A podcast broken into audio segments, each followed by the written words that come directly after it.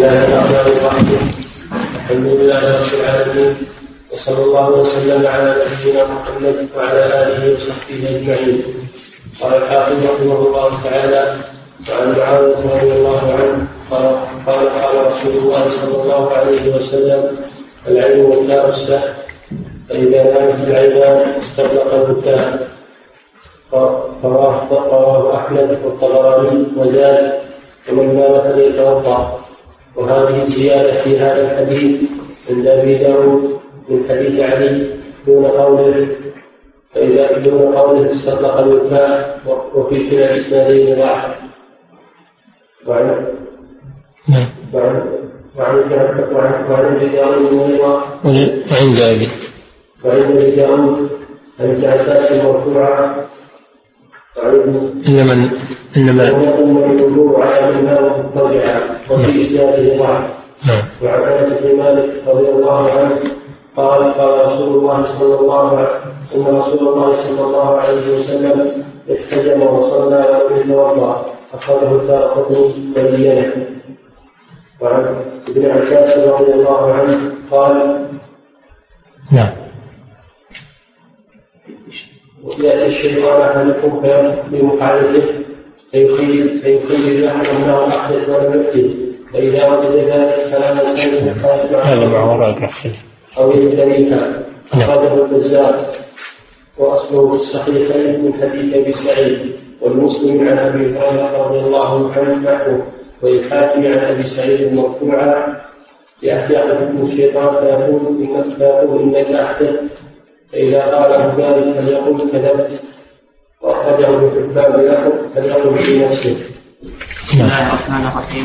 قال الحافظ رحمه الله تعالى وعن معاوية رضي الله تعالى عنه عن النبي صلى الله عليه وسلم أنه قال العين وكاء عينان العينان.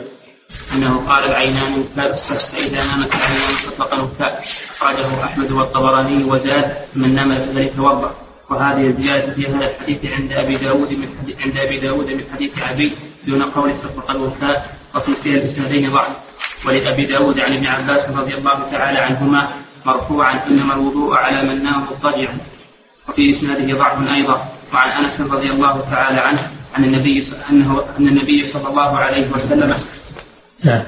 عن أنس رضي الله تعالى عنه عن النبي صلى الله عليه وسلم احتجم احتجم احتجم وصلى ولم يتوضأ. أخرجه الدار قطني وفي إسناد أخرجه الدار قطني ولينة.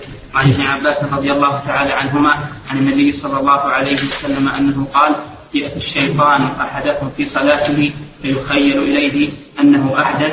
ياتي الشيطان أحدكم في صلاته فينفخ في مقعدته فيخيل إليه أنه أحدث. فلا ينصرف حتى يسمع صوتا أو يجد ريحا أخرجه البزار. وأصله في الصحيحين من حديث عبد الله بن زيد ولمسلم نحوه من حديث أبي هريرة.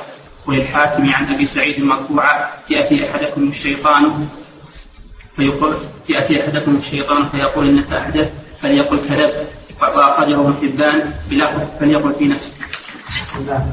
الرحيم الحمد لله رب العالمين صلى الله وسلم على نبينا محمد وعلى آله وصحبه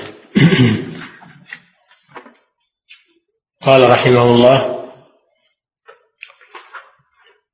عن معاوية رضي الله عنه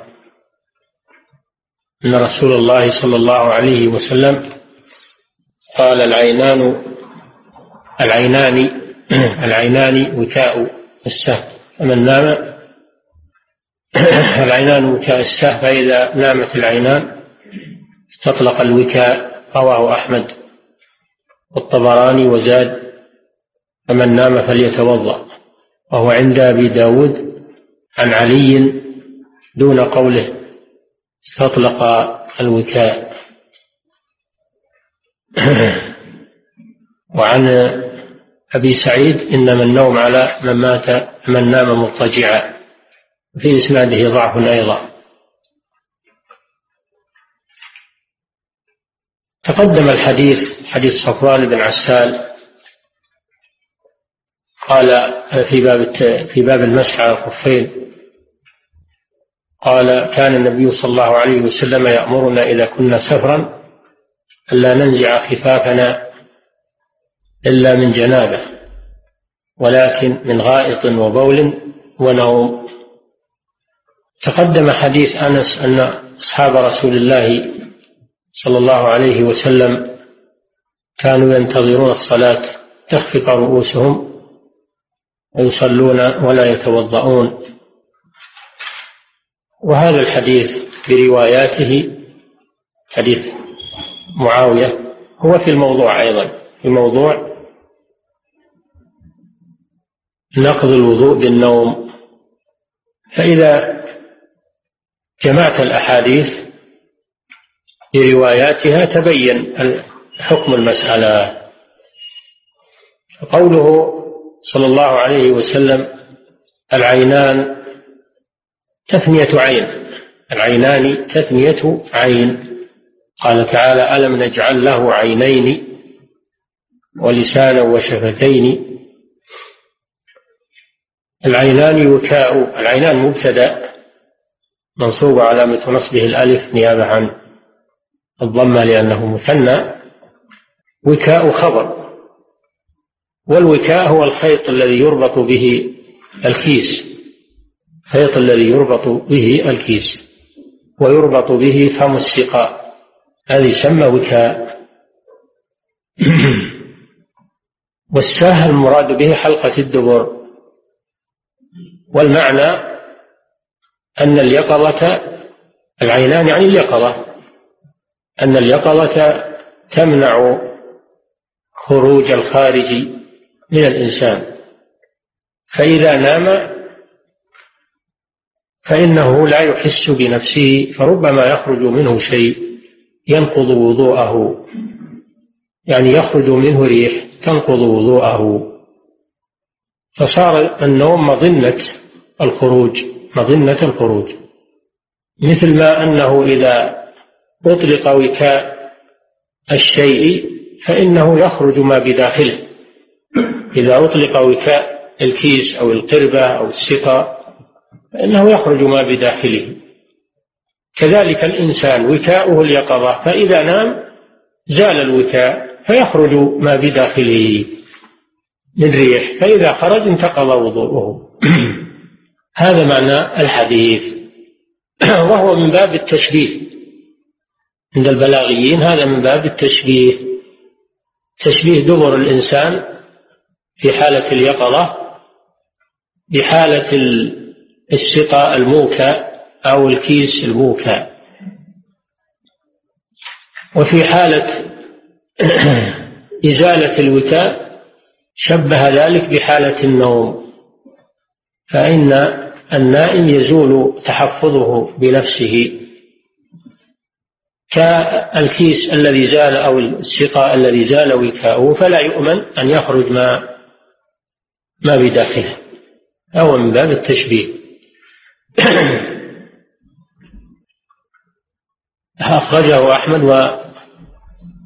والطبراني وزاد يعني الطبراني فمن نام فليتوضأ. من نام فليتوضأ. هذه الزيادة تبين المقصود من من أصل الحديث وأصل التشبيه. إذا كان الأمر كذلك إذا كان إذا نامت العينان استطلق الوكاء فالنتيجة من نام فليتوضأ. فالزيادة هذه نتيجة لهذا الكلام السابق. ولذلك أوردها المصنف هنا لأنها هي نتيجة الحديث ونتيجة التشبيه الوارد فيه. وفي كلا الإسنادين ضعف إسناد رواية وهذه الزيادة من حديث علي بدون استطلق الوكاء وفي كلا الإسنادين ضعف. حديث علي وحديث معاوية. كلاهما فيه ضعف. لأنه لأن في سنده بقية بن الوليد وهو متكلم فيه عند المحدثين. في كلا السندين بقية بن الوليد وهو متكلم فيه عند المحدثين. وفي الزيادة التي رواها الحاكم أنما الوضوء على من نام مضطجعا. قوله من نام فليتوضأ هذا مطلق. هذا مطلق. لكن رواية الحاكم قيدت هذا الإطلاق. قيدت هذا الإطلاق. أنه ليس كل من نام فهو يتوضأ وإنما يتوضأ من نام مضطجعا. ويؤيد هذا التقييد حديث أنس السابق أنهم كانوا ينتظرون الصلاة حتى تخفق رؤوسهم فيصلون ولا يتوضؤون لأنهم لم يكونوا مضطجعين بل كانوا جالسين. إذا فالنوم إنما ينقض الوضوء بشرطين الشرط الأول أن يكون كثيرا مستغرقا قوله نامت العينان نامت. هذا معناه النوم الكثير. الشرط الثاني أن يكون ذلك للمضطجع أو من في حكم المضطجع كالمتكي على شيء. أما الذي هو جالس ومتمكن من نفسه فهذا لا وضوء عليه. هذا ما يفيده الحديث برواياته مع الأحاديث السابقة. حديث صفوان وحديث أنس السابقين. تقدم لنا الخلاف عند أهل العلم في النوم هل ينقض الوضوء؟ وأن صاحب سبل السلام ذكر ثمانية مذاهب في هذه المسألة ولكنها ترجع إلى ثلاثة أقوال. القول الأول هذا بيناه فيما سبق القول الأول أن النوم لا ينقض مطلقا. أن النوم لا ينقض مطلقا. بدليل كانت تخفق رؤوسهم وفي رواية يسمع لهم غطيط.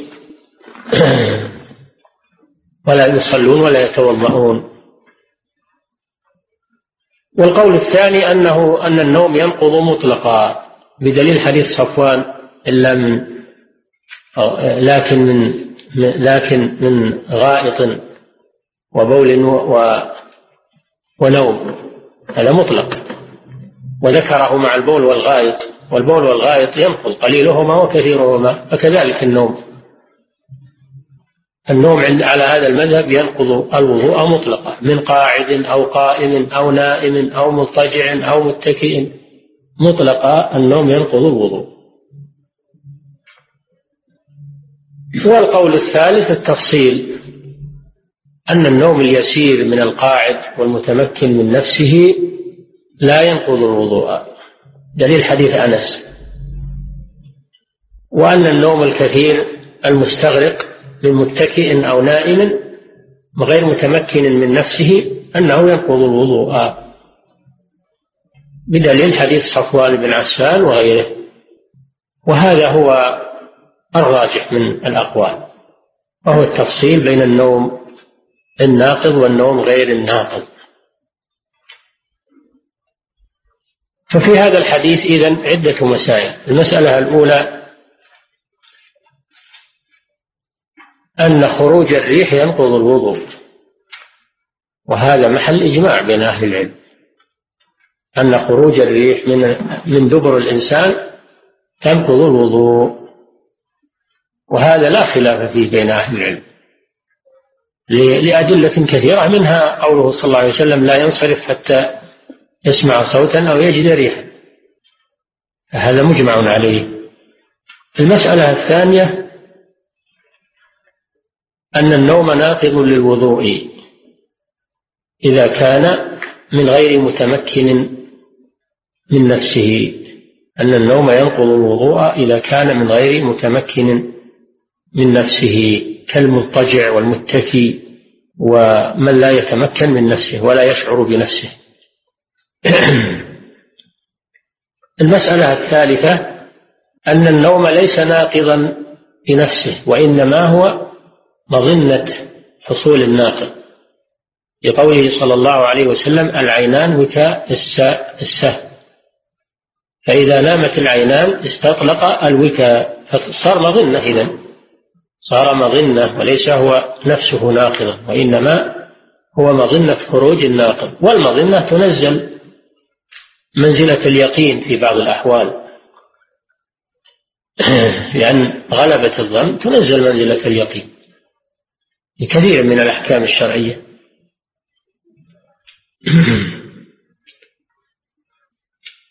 فهذا هذا هو المقصود. أن النوم ليس ناقضا في نفسه وإنما هو مظنة مظنة النقد. وفيه المسألة المعروفة أن مظنة الشيء تنزل منزلته.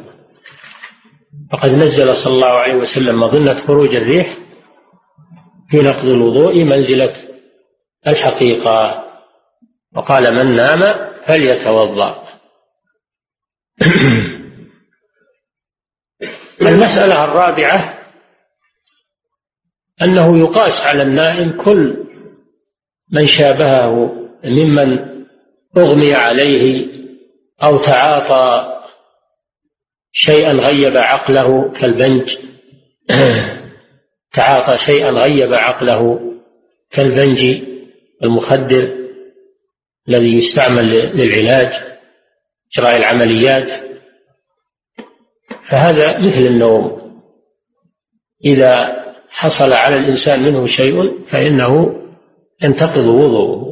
ويعيد الوضوء لأنه مظنة خروج الريح من الإنسان.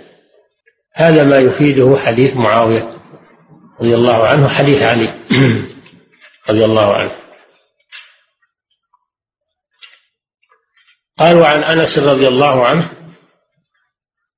أن النبي صلى الله عليه وسلم احتجم وصلى ولم يتوضأ. رجه الدار قطني ولينه. يعني ضعفه.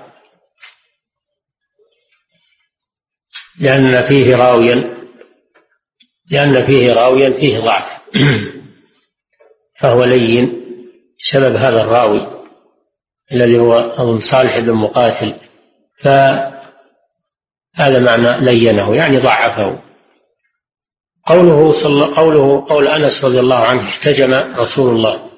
احتجم الحجامة استخراج الدم بواسطة المحجم. حجامة إخراج الدم بواسطة المحجم وهو آلة معروفة. وكانت الحجامة معروفة عند العرب. استعملها النبي صلى الله عليه وسلم وأخبر أنها أنها شفاء. قال الشفاء في ثلاث شربة عسل شرقة محجم كية نار وأنا أكره النار. فشرقة المحجم الشرق معناها بضع الجلد شق الجلد يسمى شرط شرط الجلد يعني شقه بالمشرط فكانوا يبضعون الجلد ثم يمصون يمصونه بالقرن يسمى المحجم المحجم قرن قرن يمصونه فيجلب الدم من العروق. ويكون هذا من باب العلاج. إذا خرج هذا الدم فإن الإنسان يشفى بإذن الله لأنه يكون في الدم مرض أحيانا. يكون في الدم مرض. فيمصون هذا الدم فيخرج الدم المريض ويخلفه دم دم صحيح. يخلفه دم صحيح. هذه هي الحجامة وكانت معروفة. قد فعلها النبي صلى الله عليه وسلم وأخبر أنها شفاء فهي من الطب النبوي. ولكن لها أوقات يعرفونها ما كل الوقت يحجمون ما هو كل السنة تصلح للحجاج إنما لها أوقات من السنة معروفة عندهم. وأيضا لا بد أن يكون الحجام حارقا يعرف كيف يستخرج الدم وما هو المقدار الذي يخرجه ولا يضر الإنسان. لأنه إذا كان يجهل هذه المهنة فإنه يضر الإنسان. ربما يسحب دم الإنسان كله أو يسحب دما كثيرا منه. عندئذ يتأثر الإنسان أو يموت بالنزيف. لا بد أن يكون الحجام حاذقا في هذه المهنة. وإلا ففيها خطر.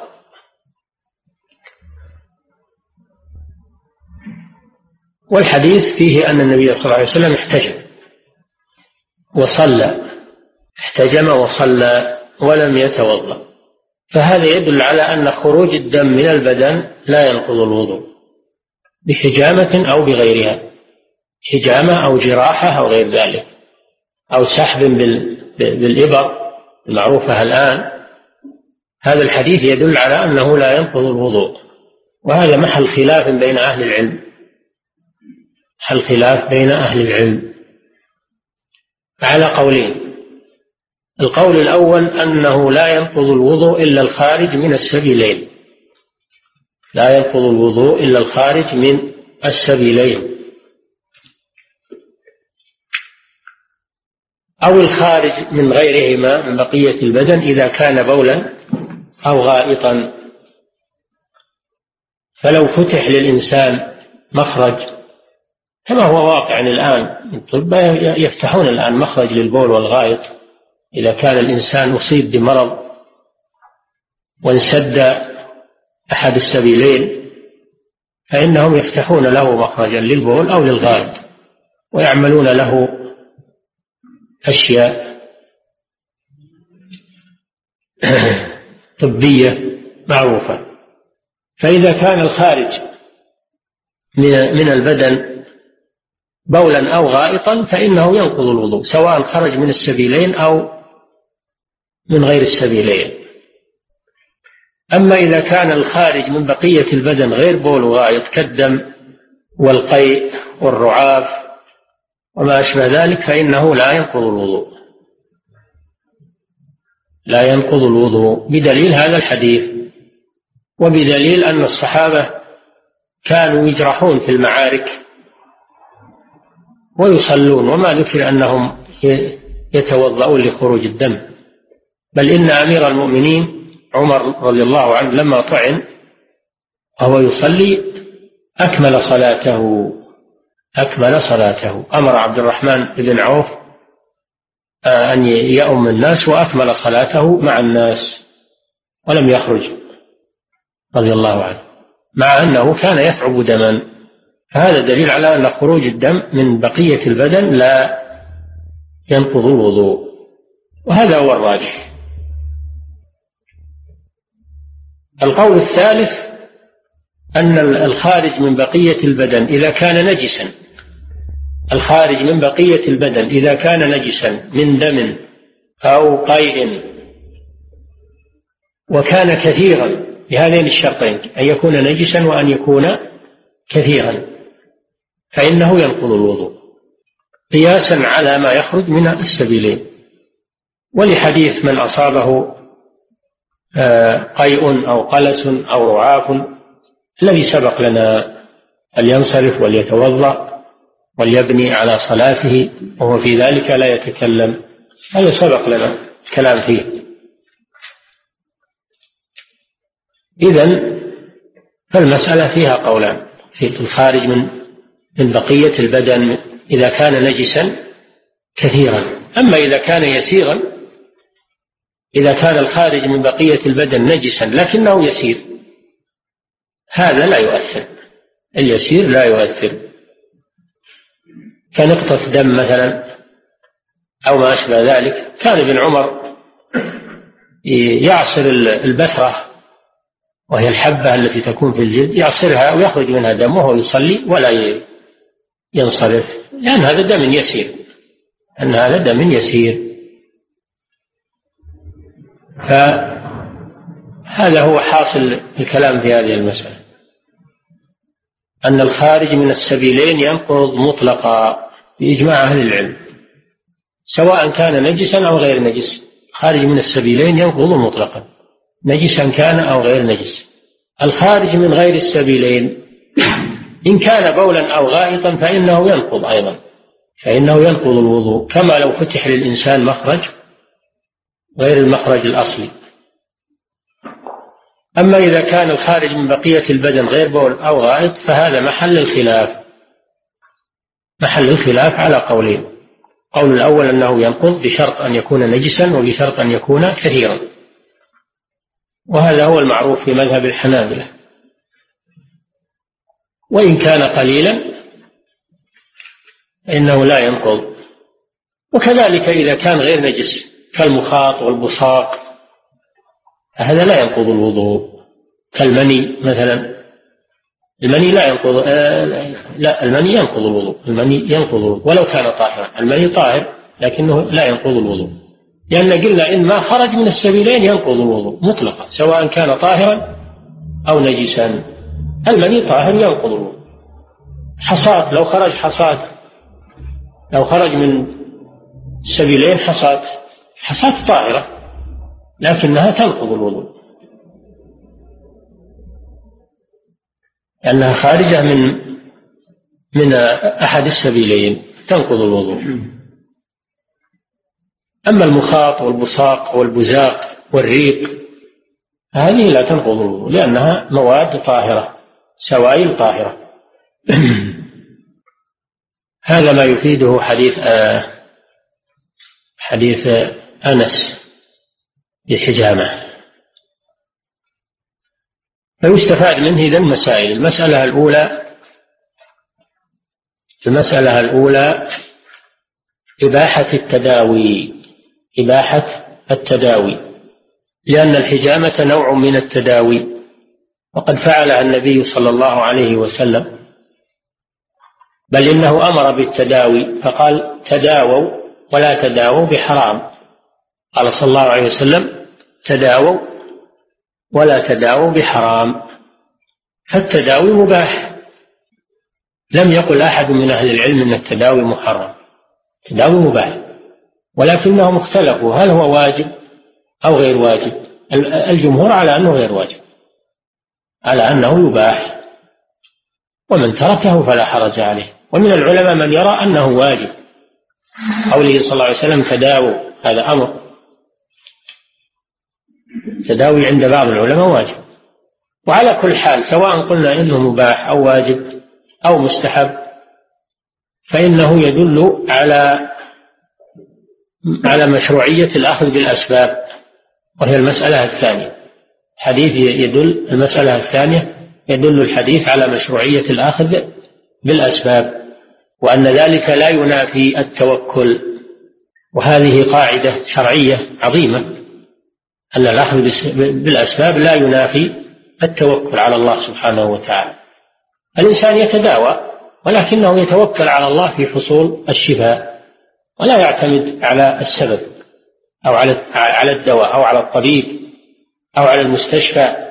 وإنما يعتبر هذه أسبابا أسبابا يتعاطاها أمر الله تعالى بها. وإنما النتيجة تطلب من الله سبحانه وتعالى. فلا تنافي بين الأخذ بالأسباب والتوكل على الله سبحانه وتعالى بل إن تعطيل الأسباب منهي عنه شرعا. منهي عنه شرعا. مخالف لأصول الدين اللي يقول ما فيه أسباب والأخذ بالأسباب ينافي التوكل هذا كلام باطل. مخالف لعقيدة أهل السنة والجماعة بل هو من العجز الذي نهى عنه الرسول صلى الله عليه وسلم واستعاذ منه. لهذا يقول صلى الله عليه وسلم احرص على ما ينفعك واستعن بالله ولا ولا تعجزن. احرص على ما ينفعك هذا أخذ بالسبب.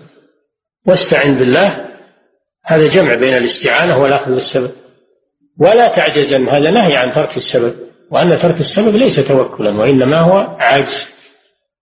والعجز مذموم. ففي هذا الحديث قاعدة الأخذ بالأسباب وأنها لا تنافي التوكل على الله سبحانه وتعالى. المسألة الثالثة وهي التي ساق المصنف الحديث من أجلها أن خروج الدم من البدن لا ينقض الوضوء وهي التي فصلنا الكلام فيها.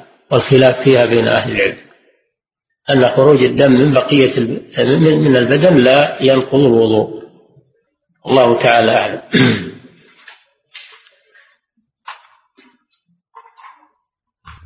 قال وعن وعن أبي هريرة رضي الله عنه أن النبي صلى الله عليه وسلم قال يأتي الشيطان أحدكم فينفخ في مقعدته فيخيل إليه أنه أحدث ولم يحدث. فمن وجد شيئا من ذلك فلا ينصرف حتى يسمع صوتا أو يجد ريحا.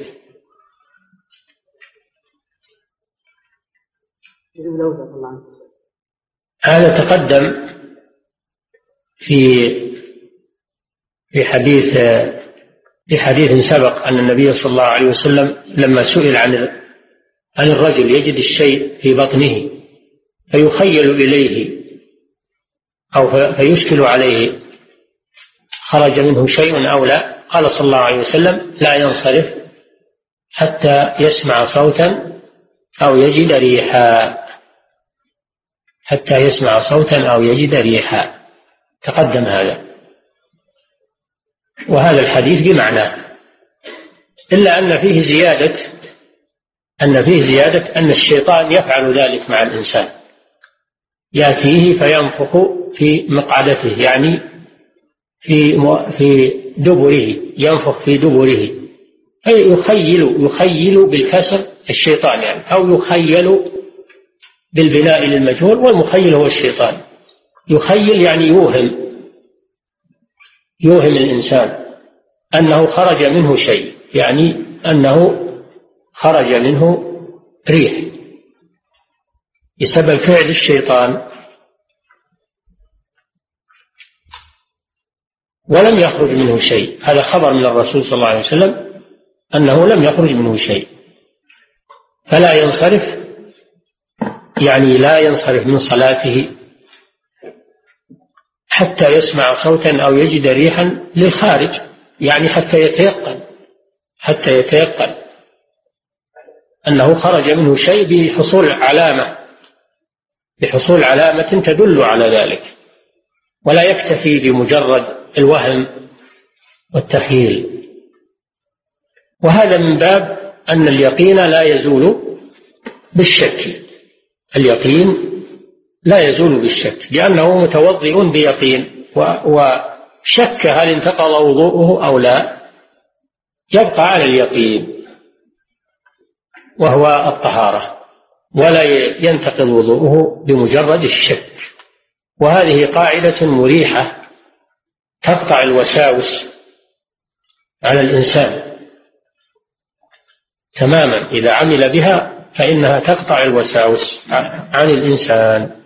وتبطل عمل الشيطان مع الإنسان فلا يكون إليه سبيل. إذا استعمل هذه القاعدة لا ينصرف حتى يسمع صوتا أو يجد ريحا. وفي رواية أنه إذا أتاه وقال له أحدثت فإنه يقول له كذبت. يقول له كذبت. يعني مع كونه لا ينصرف ويبقى على طهارته أيضا يقول له كذبت يرد عليه. يرد عليه بشيئين بالبقاء وعدم الحركة والشيء الثاني بقول كذبت من أجل أن يدحره. وظاهر قوله يقول كذبت أنه يقوله بلسانه. ولكن الرواية الأخيرة تبين أنه لا يقول ذلك بلسانه وهو في الصلاة. وإنما يقوله في نفسه يقوله في نفسه لأن التلفظ تكلم في الصلاة تكلم في الصلاة يبطلها. أما أما كلام النفس فإنه لا يسمى كلاما الكلام اللي في النفس والقول اللي في النفس لا يسمى كلاما. وإنما هو حديث نفس كما قال صلى الله عليه وسلم عفي لأمتي الخطأ والنسيان وما حدثت به أنفسها أو أنفسها ما لم تتكلم أو تعمل. حديث النفس لا يسمى كلام. فإذا قال في نفسه كذبت يكفي هذا لأن هذا لا يسمى كلام. وهذا بإجماع أهل اللغة أن حديث النفس لا يسمى كلام. ولهذا صار مذهب الأشاعرة باطلا الذين يقولون إن كلام الله هو المعنى القائم في النفس. هذا لم يقله عربي أبدا. إن حديث النفس يسمى كلام. أبدا ما قاله عربي. أما ما نسبوه إلى الأخطل وهو قوله إن الكلام لفي الفؤاد وإنما جعل اللسان على الفؤاد دليلا فهذا البيت لم يثبت عن الأخطل لم يثبت عن الأخطل ولم يوجد في ديوانه. ثم أيضا لو وجد ولو قاله الأخطل الأخطل نصراني. الأخطل نصراني والنصارى لهم كلام في المسيح وفي عقيدة النصارى فهو متأثر بمذهب النصارى فلا يقبل لأنه ليس عربيا محضا وإنما هو متأثر بعقيدة النصارى فلا يقبل كلام الأخطل في هذا. لو ثبت عنه مع أنه ما ثبت حديث النفس لا يسمى كلاما ولهذا إذا قال الإنسان في صلاته كذبت في نفسه فإنه لا يؤثر على صلاته. أما لو قاله نطقا بلسانه فإن الكلام المتعمد في الصلاة يبطلها. كلام المتعمد بقوله صلى الله عليه وسلم إن صلاتنا هذه لا يصلح فيها شيء من كلام الآدميين. صلاتنا هذه لا يصلح فيها شيء من كلام الآدميين. ولقوله صلى الله عليه وسلم الطواف صلاة إلا أنكم تتكلمون فيه. الفرق بين الطواف والصلاة أن الطواف يجوز الكلام فيه. بخلاف الصلاة لا يجوز الكلام فيه. إذن فقوله كذبت يعني في نفسه. فدل هذا الحديث على مسائل. المسألة الأولى أن خروج الريح ناقض للوضوء. قوله صلى الله عليه وسلم حتى يسمع صوتا أو يجد ريحا. فإذا تيقن خروج الريح فإنه انتقض وضوءه. وهذا محل إجماع بين أهل العلم. المسألة الثانية فيه بيان تضليل الشيطان للإنسان وإغوائه للإنسان وأنه إما أن يأتيه من طريق التساهل والشهوات المحرمة وإما أن يأتيه من طريق التدين والتشدد. والوسواس فهو لعنه الله لا يترك الإنسان إما أن يأتيه من طريق التساهل وإما أن يأتيه عن طريق التشدد والوساوس. فالمسلم يقطع على الشيطان هذا الطريق بأن لا يلتفت إليه وأن يكذبه وأن يعمل باليقين يترك الشك. فإذا فعل ذلك انقطع عنه عمل الشيطان. المسألة الثالثة في الحديث دليل على القاعدة المعروفة أن اليقين لا يزول بالشك. المسألة الرابعة في الحديث دليل على أن الصلاة لا يصلح فيها الكلام ولا يضر فيها حديث النفس. أو الكلام النفسي لا يضر في الصلاة بقوله في نفسه يقول كذبت في نفسه. أن هذا لا يسمى كلاما. شلنا المسألة الرابعة. ها؟ المسألة أن أن الصلاة لا يصلح فيها الكلام باللسان. الكلام باللسان. ولا يضر فيها الكلام الذي في النفس. لأن النبي صلى الله عليه وسلم قال وليقل في نفسه مع أنه نهى عن الكلام في الصلاة في أحاديث أخرى. هذا ما يفيده حديث أبي هريرة رضي الله عنه. الله تعالى أعلم وصلى الله وسلم على نبينا محمد على آله وصحبه. وبهذا انتهت نواقض الوضوء. والحمد لله. نعم. الاحاديث في أول الباب واوسط والله لو جمع الأحاديث المتشابهة في مكان واحد كان أحسن. لو جمع الأحاديث اللي في النوم كلها جميع والأحاديث اللي في في الشك في الطهارة في الحدث بعد الطهارة لو جمعها في مكان واحد يكون أحسن. نعم. التأليف. بعض العلماء يصير دقيق في فن التأليف بحيث يذكر النظائر بعضها مع بعض. وبعضهم يصير غير دقيق في فن التأليف. وربما أنه رحمه الله حينما ذكر الأحاديث السابقة تنبه لهذه الأحاديث فألحقها. فألحقها دون مراعاة دون مراعاة لربط بعضها ببعض. وعلى كل حال هو لو جمعها يكون أحسن هذا ما في إشكال. ولذلك نبه الشارع صاحب سبل السلام نبه على هذا. قال لو أنه جمعها في مكان واحد كان أحسن. نعم. بسم الله الرحمن الرحيم. الحمد لله رب العالمين وصلى الله وسلم على نبينا محمد. فضيلة الشيخ إذا أصاب ثوب الإنسان دم من حرام ليس محرما أم لا؟ وإن كان غير هل تصح الصلاة به أم لا؟ الإنسان إذا توضأ وأصابته نجاسة في ثوبه أو في بدنه فإن وضوءه لا ينتقض الوضوء لا ينتقض ولكن لا يجوز له أن يصلي حتى يزيل هذه النجاسة من بدنه أو من ثوبه لقوله لقوله تعالى يصيب الثوب. قال صلى الله عليه وسلم تحته ثم تقرصه ثم تنضحه بالماء ثم تصلي ثم تصلي فيه. فأمر بغسل الدم من الثوب. أمر بغسل الدم من الثوب قبل الصلاة فيه. وكذلك النبي صلى الله عليه وسلم كان مرة يصلي بأصحابه فخلع عليه في أثناء الصلاة. فخلع الصحابة نعالهم. فلما سلم قال لهم إن جبريل أخبره أن فيهما أذى. فكونه خلع النعلين دليل على أنه لا يجوز الصلاة بلباس فيه نجاسة. لا النعلان ولا الثوب ولا العمامة ولا غير ذلك. لا يصلي بثوب أصابته نجاسة حتى يغسلها. لكن لو نسيها أو ما درى عنها إلا بعد ما سلم صلاته صحيحة أنه معذور بعدم العلم. نعم. لكن لو تعمد وصلى عليه نجاسة في ثوبه فالذي عليه جمهور أهل العلم أن صلاته باطلة. الذي عليه جمهور أهل العلم أن صلاته باطلة. إذا صلى في ثياب نجسة أو صلى وعليه نجاسة في بدنه وهو يعلم بها وتعمد تركها صلاته باطلة عند جمهور أهل العلم. نعم. ويقول وإن كان الحيوان طاهر هل تصح الصلاة الذي أصابه الدم من الحيوان؟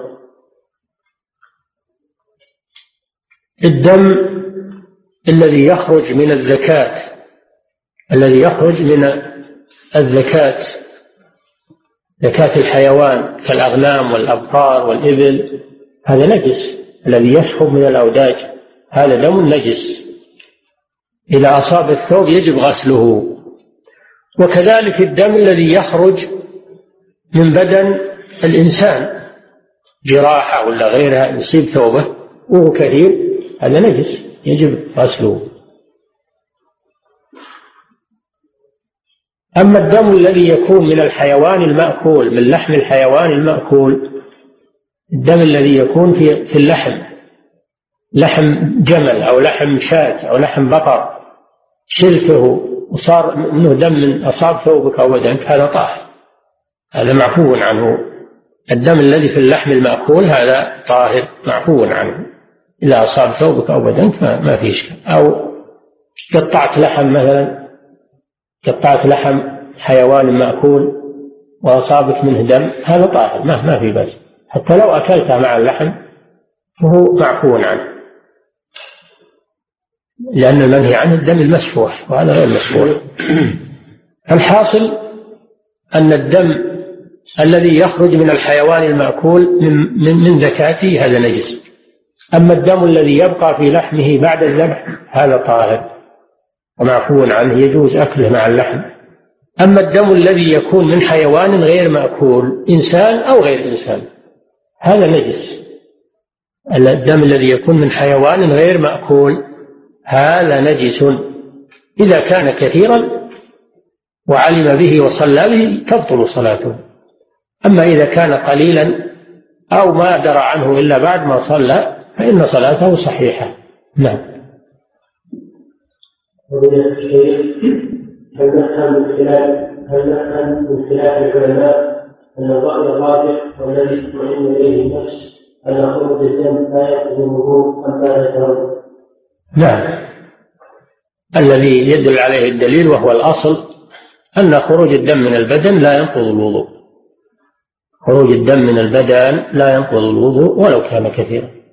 هذا هو الراجح. ومن أراد أن يتوضأ من باب الاحتياط والخروج من الخلاف فهو أحسن ما في شك. نعم. فضيلة الشيخ عرفنا أن كلام النفس لا لا يدور الصلاة لا يدور الصلاة. نعم. فكيف إذا صلى أحدكم الصلاة الراتبة وهو يقرأ في نفسه؟ هل تصح صلاته؟ وهو يقرأ في نفسه. قراءة النفس الفاتحة يعني يقرأ الفاتحة في نفسه ما تصح صلاته. لأنه ما قرأ بالفاتحة. النبي صلى الله عليه وسلم يقول لا صلاة لمن لم يقرأ بفاتحة الكتاب. يقرأ يعني ينطق بها. أما إذا قرأها في نفسه فهذه غير قراءة ما هي قراءة. مثل الكلام إذا كان في النفس ما هو كلام.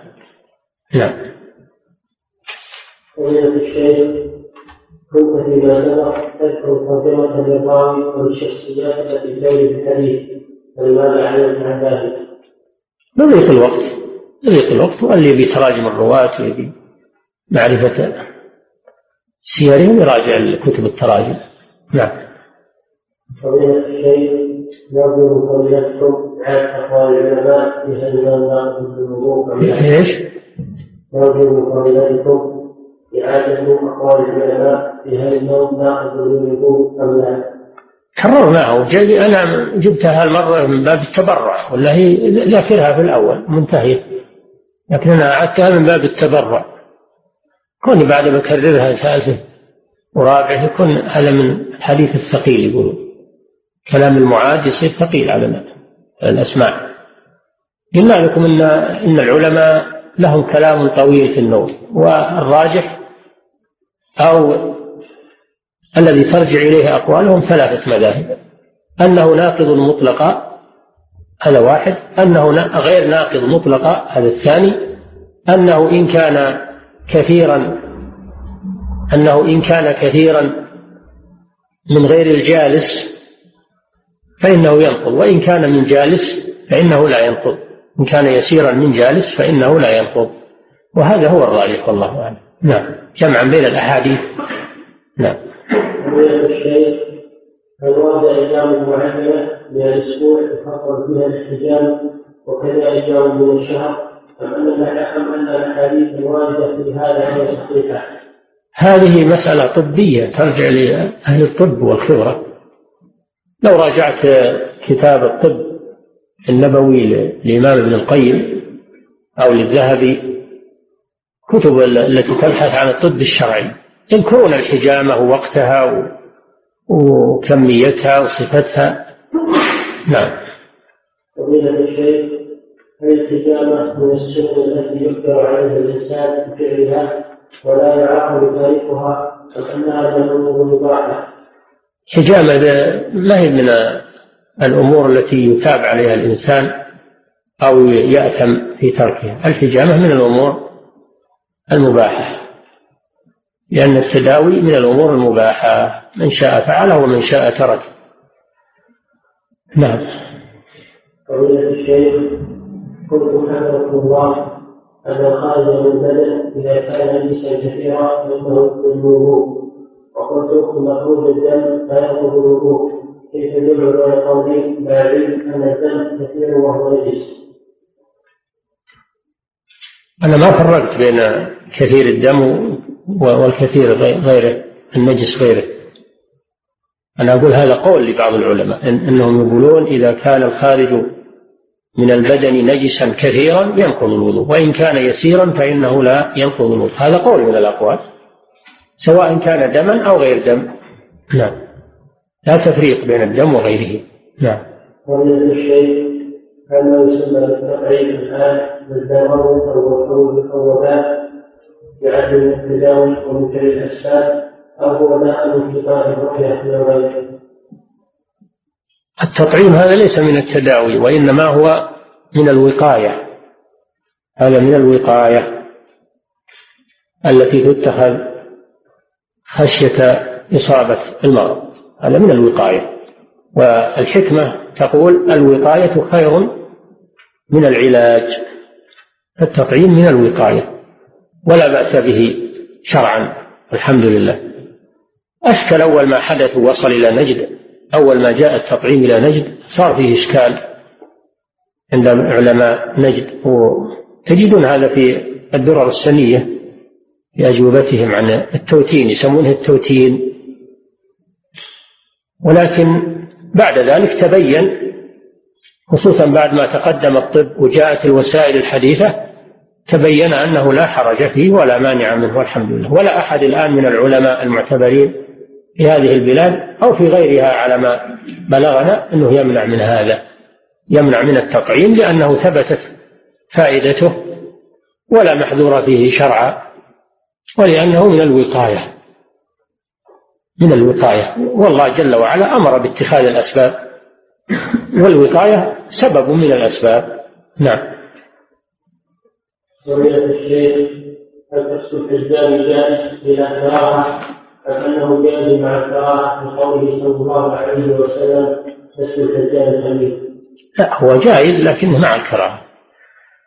لقوله صلى الله عليه وسلم كسب الحجام خبيث يعني ردي ما هو خبيث معناه انه من الخبيث المحرم. لا. خبيث هنا المراد به الردي والذي يليق بالمسلم إنه يترفع عن الأمور الرديئة لأن كسب الحجام فيه دناءة فيه وفيه مظنة استعمال الدم لأنه إذا مص القرن ربما يطير إلى حلقه شيء من الدم والدم نجس ومحرم.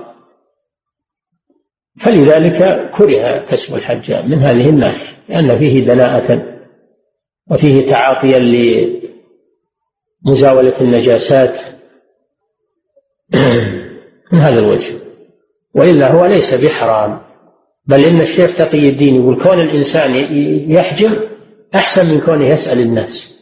كون الإنسان يحجم ويكتسب بالحجامة ما ينفق به على نفسه أحسن من مسألة الناس. كونه يسألهم. نعم. الشيء عند الوضوء. نعم. عند الوضوء بين المني قطرة الخمس نقط من البول ماء الوضوء أو ماء الصلاة لم يكن إذا كان هذا صحيحا ويخرج منك شيء اليقين ينتقض الوضوء. أما إذا كان مجرد وسواس أو توهيم من الشيطان فلا تلتفت إليه. لا تلتفت إليه. نعم. أما إذا إذا ثبت أنه نقط منك بول بعد الوضوء هذا ينقض الوضوء بلا شك. وإن كنت في الصلاة تنصرف تتوضأ تستنجي وتغسل ما أصابه البول وتتوضأ من جديد تعيد الصلاة. نعم. أما إذا كان شك أو توهيم اترك التوهيم والشك. نعم. وجاء الشيخ الطفل الطفل الصغير على ثوبي وصليت ولم اتوضا ولم اغسل ثوبي هل أخطأت في ذلك؟ إذا كنت تعمدت الصلاة بالثوب اللي فيه قيء الطفل هذا لا يجوز. لأن القيء نجس خروجه من المعدة. أما إذا كنت ما تدري أو داري ولكنك نسيت صليت فلا حرج عليك إن شاء الله. لكنك تغسله للمستقبل. نعم هل الحمر تضرع للدم أو عن انواع الحجامه وانه يشرب من الاسباب التداوي ام ان الحجامه هي اخذ الدم الفاسد الراكب في بعض المناطق غير متحركه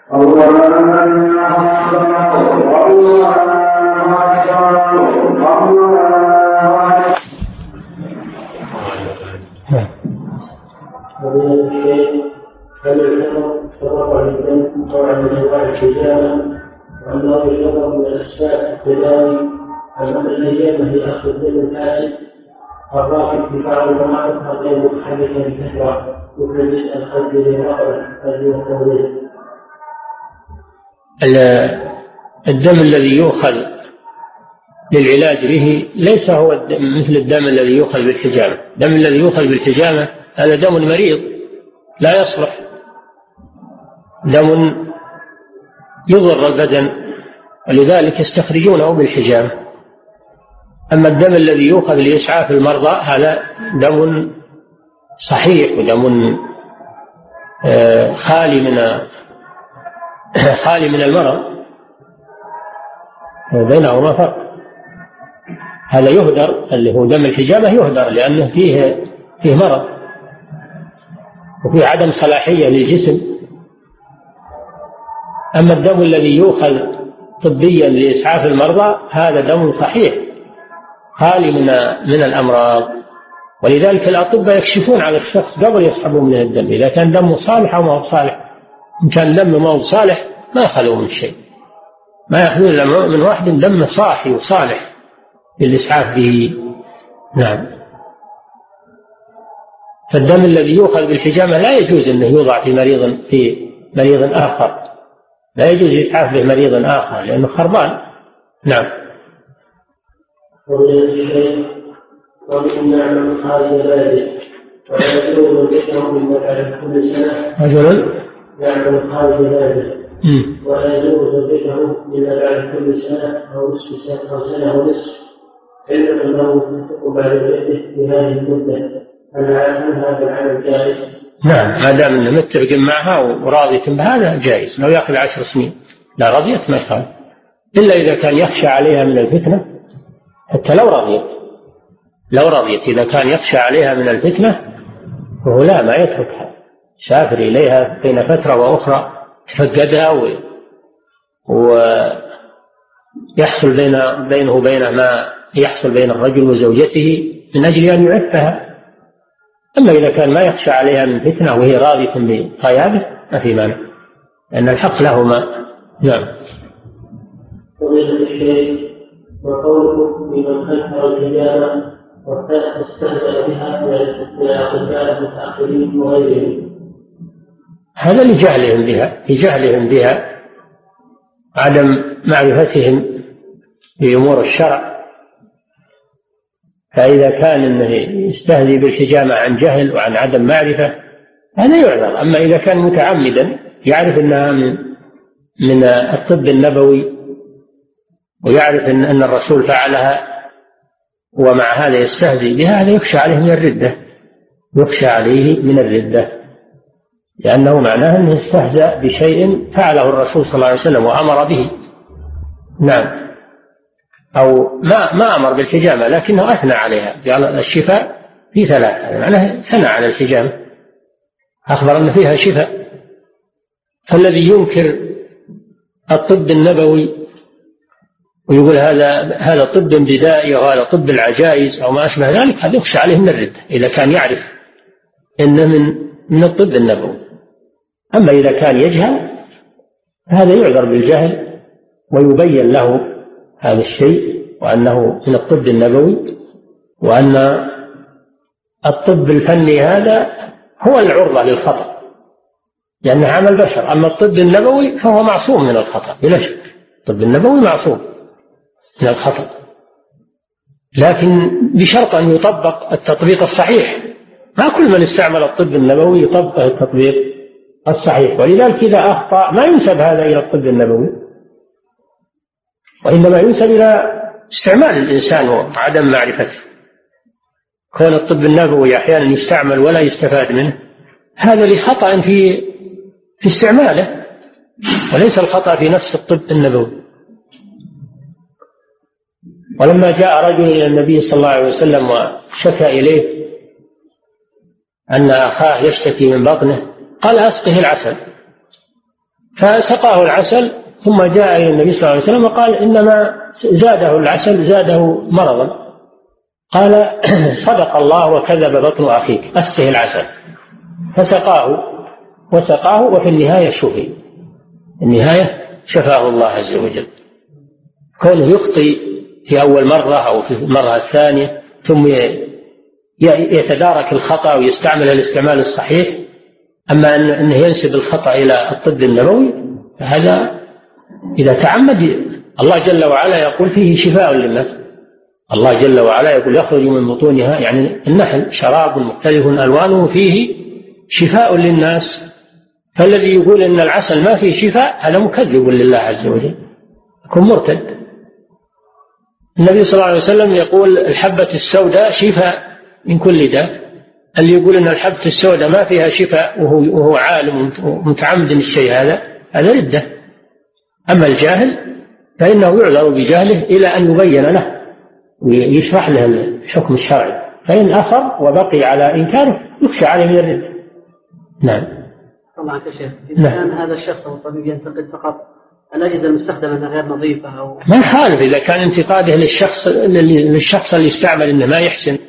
أو أن الأجهزة والأدوات غير غير نظيفة له ينتقد هذا ما يخالف. هذا ما هو انتقاد للطب النبوي. هذا انتقاد لاستعمال الإنسان تطبيق الإنسان. ولذلك الرسول صلى الله عليه وسلم ماذا قال للرجل؟ قال صدق الله وكذب بطن أخيه.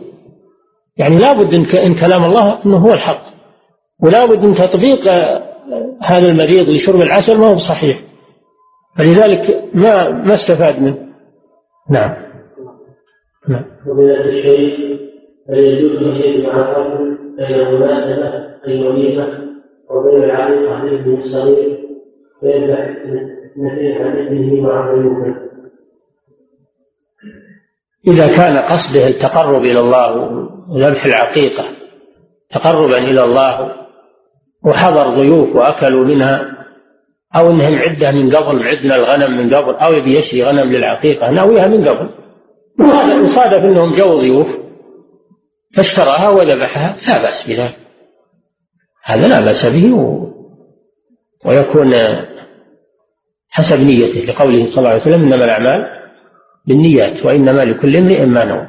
أما إذا كان ما عنده طاري عقيقة ولا عنده يبي يذبح عقيقة لكن يوم جو الضيوف قال أجل بخليها عقيقة ما دامت إني ذابحة ذابحة خلها عقيقة. يقول لا هذا ما ما يجزي عنك ولا يصير عقيقة. لأنك ما ما نويتها من قبل ولا على بالك شيء. وإنما لو يوم شفتها تبي تروح غصبا عليك قلت خلها عقيقة لا ما يصلح. هذا نعم. هذا سنة ما يخالف سنة. لا ما يخالف ما هو بلازم. نعم. هل يجوز النقل عن أهل البدع من صوفيه وجهميه ونحوهم أو عن من ظهر بعض البدع نعم أرباب وحده الوجود أو نحوها تتلمذ علي على أهل البدع تتلمذ عليهم والأخذ عنهم هذا لا يجوز. لا يجوز الأخذ عن أهل البدع تتلمذ عليهم. بل يجب هجرهم والابتعاد عنهم لأن لا يؤثروا على الإنسان. ما في ذلك من الخطر. ربما أن الإنسان يستحسن أقوالهم ويستحسن مذاهبهم ثم ينطبع بها. ولا شك أن التلميذ التلميذ يتأثر ويقلد شيخه. مهما قال إني لا أنا ما لا بد أن التلميذ يتأثر بشيخه ويقلده. هذا شيء في النفس طبيعة جعلها الله. فالابتعاد عن أهل البدع مطلوب وهجرهم مطلوب. نعم. كلام على الشرعي أما إذا كانوا يدرسون أمور دينية دنيوية طب أو حساب أو أو هندسة أو ما أشبه ذلك هذا لا يدخل في أمور الشرع. لكن مع هذا مجالستهم ترجع عاد مجالستهم والاختلاط بهم الابتعاد عنهم مهما كان أحسن للإنسان.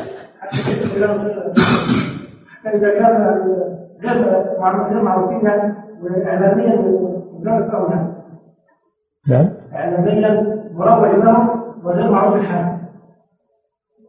إذا كان الإنسان يعرف أنه مبتدعة أما إذا كان ما يعرف أنه مبتدعة هو ما عليه. ما دام ما يعرف ما عرف أنه مبتدعة نعم. نعم. فضيلة الشيخ هل يجوز خاتم من السنة ووصفة خاتم النبي صلى الله عليه وسلم؟ لبس الخاتم من المباحات. من المباحات. كل اللباس من المباحات ترى. لباس الخاتم ولباس الثياب ولباس العمائم هذا كله من المباحات ما لم يكن فيها شيء محرم. كل اللباس من المباحات خاتم وغير خاتم. نعم. الشيء إذا أخطأ شخص بصلاته بزيادة أو نقص لكن المباح يستحب أن يلبسه يستحب أن يلبسه على الصفة. إذا أراد يلبسه يلبسه على الصفة التي كان يلبسها النبي صلى الله عليه وسلم. فالسنية إنما هي في الاستعمال لا في أصل اللباس. أصل اللباس مباح ولكن إذا لبسته فيستحب أن تلبسه على الصفة التي كان يلبسها رسول الله صلى الله عليه وسلم. نعم. إذا أخطأ شخص صلاته بزيادة أو نقص ولم يعلم بذلك فهل لمن كان بقربه ولم يصلي معه؟ أن ينبهه ويصحح له قراءته بالقرآن في الصلاة؟ نعم لا بأس. إذا كان عنده واحد جالس وعرف أنه أخطأ في صلاته ينبه. هذه طيبا من التعاون على البر والتقوى.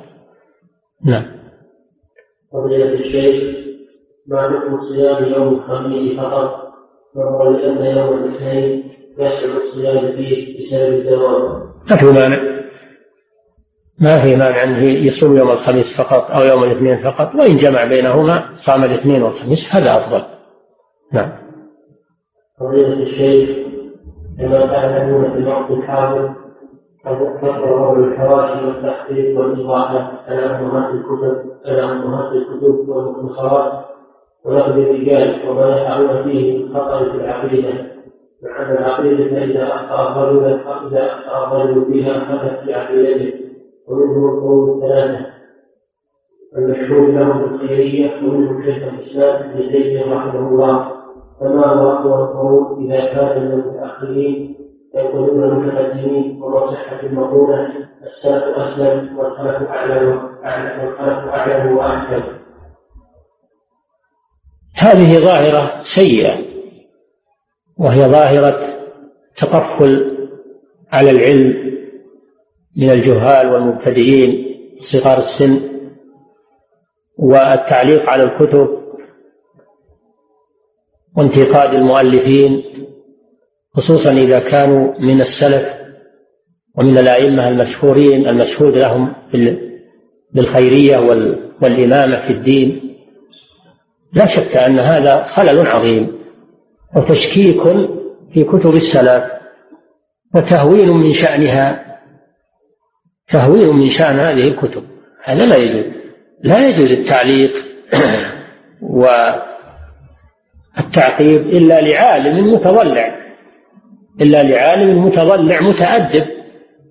يعلق بأدب واحترام ويعلق بقدر الضرورة.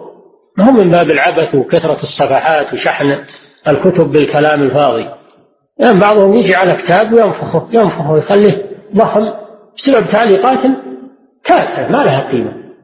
إما تراجم ولا أشياء ولا آراء خاطئة ما أو اتهام المؤلف بأشياء ما فهمها هو. ما فهمها. كثير من التعليقات إذا قرأته وجدت أنه في وادي والمؤلف في واد آخر. لأن المعلق ما فهم. فالتسرع في هذا الأولى أن تبقى كتب السلف بحالها لا يعلق عليها. وأن يعتنى بتصحيحها فقط. تصحيح طباعتها فقط. أما أن يعلق عليها بآراء جديدة أو بأفكار جديدة فهذا فتح باب للعبث بكتب السلف. إذا أردت أنك تألف أو أنك تتطفل على العلم والعلماء اكتب الكتاب لحالك مستقل. خليه باسمك أنت. أما أنك تخرب كتب السلف وكتب العلماء هذا أمر لا يجوز. ولو كانوا حيين ما ما ما أذنوا لك بهذا ولا ولا رضيوا بعملك هذا. هذا إساءة أدب مع مع المؤلفات والأمانة العلمية عدم احترام للعلم والعلماء. وأنت ما وصلت إلى مرحلة أنك تعقب على الأئمة و... وتلاحظ على الأئمة. ما وصلت إلى هالمرحلة. نعم. أما أما عبارة السلف أسلم مذهب السلف أسلم ومذهب الخلف أعلم وأحكم هذه عبارة باطلة متناقضة. قد نبه عليها شيخ الإسلام ابن تيمية وغيره. متناقضة لأن قولهم طريقة السلم أسلم. لا السلف أسلم. السلامة لا تحصل إلا مع العلم. طريقة الخلف أعلم. كيف تكون السلامة مع غير علم؟ ما تكون طريقة السلف أسلم إلا إذا كانت أعلم. ولا ما تصير أسلم؟ شيء معروف تناقض هذا. الناحية الثانية كيف يكون الخلف أعلم من السلف؟ هل يقر هذا عاقل؟ إن الخلف أعلم من أبي بكر وعمر وعثمان وعلي وابن عباس وابن مسعود وسفيان الثوري والإمام الأوزاعي والإمام مالك والإمام أبي حنيفة والإمام الشافعي والإمام أحمد. والأئمة الذين جاءوا من بعدهم هل يجي واحد من القرون المتخلفة ويصير أفضل من السلف؟ هذا ما ما هو ممكن. النبي صلى الله عليه وسلم أثنى على القرون الثلاثة أو الأربعة. قال خيركم قرني ثم الذين يلونهم ثم الذين يلونهم. قال قال الراوي لا أدري ذكر بعد قرنه قرنين أو ثلاثة. ثم قال تحدث من بعدهم خلوف. يقولون ما لا يفعلون ويفعلون ما لا يؤمرون. تسبق شهادة أحدهم يمينه ويمينه شهادته. يظهر فيهم السمن. هذا ذم للخلف ومدح للسلف وصفهم بالخيرية. والخيرية تشمل أنهم خير الناس في العمل وخير الناس في العلم وخير الناس في الأدب والوقار من جميع الوجوه. نعم. كيف يكون واحد من من المعتزلة ولا من الجهمية ولا من الفرق؟ علماء الكلام اللي يعتمدون على العقل ويتركون النقل؟ كيف يكون أعلم من السلف الذين يعتمدون على الكتاب والسنة؟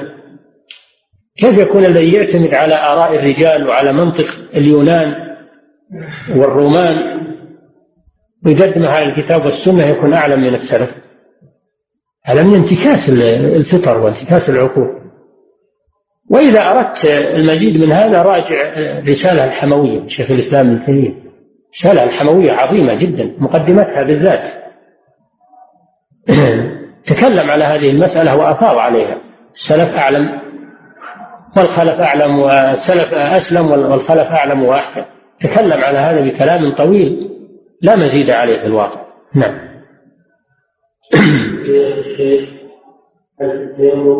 يبدأ من لديه من الوجه وكيفية وما هي كيفية التيمم وهل نستدل بالآية بقوله تعالى في قوله تعالى تيمموا صعيدا طيبا فامسحوا بوجوهكم وأيديكم؟ أيديكم. وأيديكم؟ وهل التيمم كتب على الأمم السابقة التيمم من خصائص هذه الأمة. بدليل قوله صلى الله عليه وسلم جعلت لي الأرض مسجدا وطهورا. في رواية تربتها طهورا. فهو من خصائص هذه الأمة. أما الذين قبلهم لا تصح صلاتهم إلا بالوضوء بالماء. وأما تركيب في التيمم نعم واجب. من شروط صحة التيمم التركيب أن يمسح على وجهه أولا ثم يمسح على يديه. لأن الله تعالى قال فامسحوا بوجوهكم وأيديكم منه. وتقدم لكم قول الرسول صلى الله عليه وسلم أبدأوا أو ابدأوا بما بدأ الله به. والله بدأ بالوجه فيبدأ بالوجه قبل اليدين. نعم. الخلف على اللي جاءوا بعد القرون الأربعة. بعد القرن الرابع. هذا هو الخلف. الذين جاءوا بعد القرن الرابع. هؤلاء هم الخلف. نعم. يعني بعد القرون التي أثنى عليها رسول الله صلى الله عليه وسلم. نعم. الفعل الإمام البخاري سنة من البدع حيث سنة من البدع ليش؟ الفعل الإمام البخاري سنة من البدع حيث لم يرد ذلك حيث يقول ما حديثا اغتسلت قبل ذلك وصليت ركعتين وكذلك هذه طاعة ما هو من البدع هذه طاعة. كتابة الحديث عبادة والعبادة تؤدى بوضوء أفضل تؤدى بطهارة أفضل. نعم. وكذلك فعل عمر بن عبد العزيز أنه استخار الله أربعين يوما قبل أن يأمر بحد بالتدوين كذلك. هذا من من العبادة تدوين العلم كتابة العلم لا لا يضيع هذا عبادة نعم هو داخل في العبادة نعم قضية الشيخ هل يجوز الحكم على شخص معين بجيد أو نار من الكفار أو المسلمين وما هو الدليل؟ إيش؟ هل يجوز الحكم على شخص معين بجن أو نار؟ جنة بجنة أو نار من الكفار أو المسلمين وما هو الدليل؟ لا يحكم لأحد معين بجنة أو نار إلا بدليل من الكتاب والسنة. أما الذي لم يدل عليه دليل فإنه يخشى يخشى على على المسيء ويرجى للمؤمن رجع أما الجزم هذا لا يجوز إلا بدليل. قوله صلى الله عليه وسلم إن الرجل لا يعمل بعمل أهل الجنة حتى ما يكون بينه وبينها إلا ذراع فيسبق عليه الكتاب فيعمل بعمل أهل النار. يدخله. وإن الرجل لا يعمل بعمل أهل النار حتى ما يكون بينه وبينها إلا ذراع يسبق عليه الكتاب فيعمل بعمل أهل الجنة فيدخلها الأعمال بالخواتيم وأنت ما تدري عن الخواتيم ولا تعرف الخواتيم. خواتيم بيد الله لكن نحن نرجو للمحسنين ونخاف على المسيئين ولا نجزم لأحد بجنة ولا نار إلا بدليل من كتاب الله وسنة رسوله صلى الله عليه وسلم. هذا من عقيدة أهل السنة والجماعة. نعم. وكذلك هل يجوز له الكافر لحديث الرسول صلى الله عليه وسلم اللهم ارحم فلان وفلانا يعني صفوان بن اميه وسهيل بن الحارث والحارث بن هشام وقد ذكر شيخ الإسلام رحمه الله في الفتاوى على الجواز اللعن للكافر هذا فيه تفصيل. لعن الكفار عموما ولعن أصحاب الجرائم الكبائر التي ورد الدليل على لعن أصحابها يلعنون بصفة العموم لعنة الله على الظالمين كذا. فنجعل لعنة الله على الكاذبين. يعني من باب العموم. أما المعين الشخص المعين فهذا فيه خلاف. هل يجوز لعنه أو لا يجوز لعنه؟ الصحيح أنه ما يجوز لعنه. لا يجوز لعن المعين لأنك ما تدري ماذا تكون عاقبته وخاتمته. نعم. مثل الحكم له بالنار. ما تدري. نعم. لكن تحكم للمؤمنين عموما بالجنة. تحكم للكفار عموما آه، بالنار. يعني باب العموم. أما الأفراد أنت ما تدري عن ماذا آل أمرهم إليه ولا ماذا ماتوا عليه. هل ماتوا على توبة أو على غير توبة. نعم. ومن الشيخ عند الاستجمال بالأحكام والأمراض ونحو الماء بعدما انتهي من الاستجمار أو بعد فترة وكسر البلد يأخذ مني. هل هذا ينشأ الكون ونحوه وأن يعتبر ذلك خارج من الإسلام هذا يدخل تحت القاعدة التي مرت. أنه لا يك... لا تلتفت إلى الشيء إلا إذا ثبت. إذا ثبت أنه خرج من شيء وإلا فالشكوك لا تؤثر. إذا كان مجرد شك فأنت لا تلتفت إليه. أما إذا كان متيقن فإنك تعمل باليقين. نعم. اليقين لا يزول بالشك.